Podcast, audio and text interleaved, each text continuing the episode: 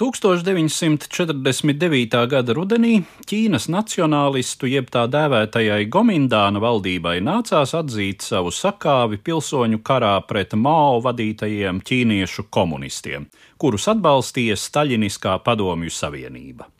1. oktobrī Mao Dzeduns proklamēja Ķīnas Tautas Republikas nodibināšanu, pasludinot to par gāztās nacionālistu valdības varas mantinieci visā Ķīnas teritorijā.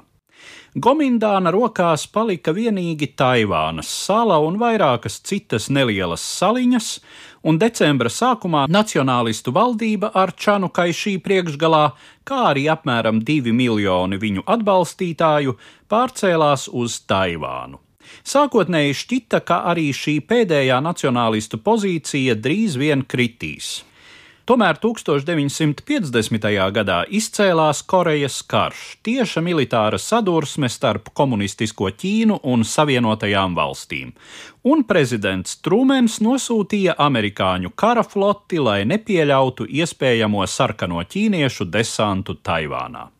Bet Čanakai šī rokās palika vēl viena svarīga pozīcija - Ķīnas pārstāvniecība apvienoto nāciju organizācijā. Čans otrā pasaules kara laikā būdams starptautiski atzīts Ķīnas valdības galva un viens no antihitleriskās koalīcijas vadītājiem, bija piedalījies ANO veidošanā no pašiem pirmsākumiem un parakstījis organizācijas dibināšanas hartu 1945. gadā. Iestājoties augstajam karam, kurā sākotnēji komunistiskā Ķīna bija Padomju Savienības uzticams sabiedrotais, amerikāņi bloķēja visus mēģinājumus iedabūt apvienotajās nācijās Pekinas pārstāvjus. Tā nu izveidojās paradoxāla situācija, kad Ķīna, kuras iedzīvotāju skaits lielākais pasaulē, tobrīd strauji tuvojās 600 miljoniem, nebija pārstāvēta apvienotajās nācijās. Var piebilst, ka Taivānas iedzīvotāju skaits pagājušā gadsimta 50. gadu vidū bija apmēram 10 miljoni.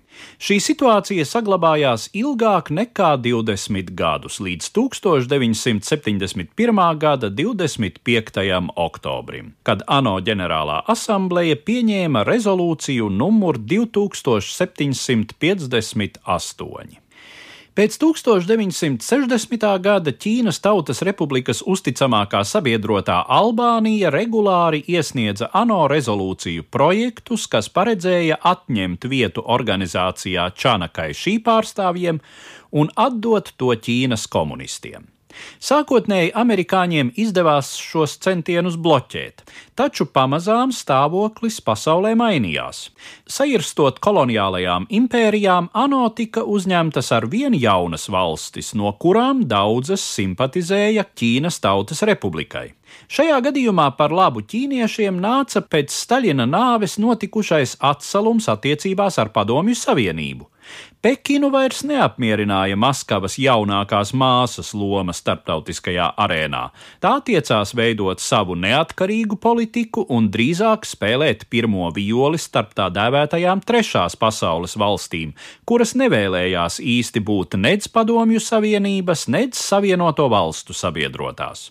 Galu galā šķiet arī amerikāņu diplomātijas globālajā spēlē labāk iederējās ietekmīga un patstāvīga Ķīna kā pretsvars Padomju Savienībai Eirāzijā.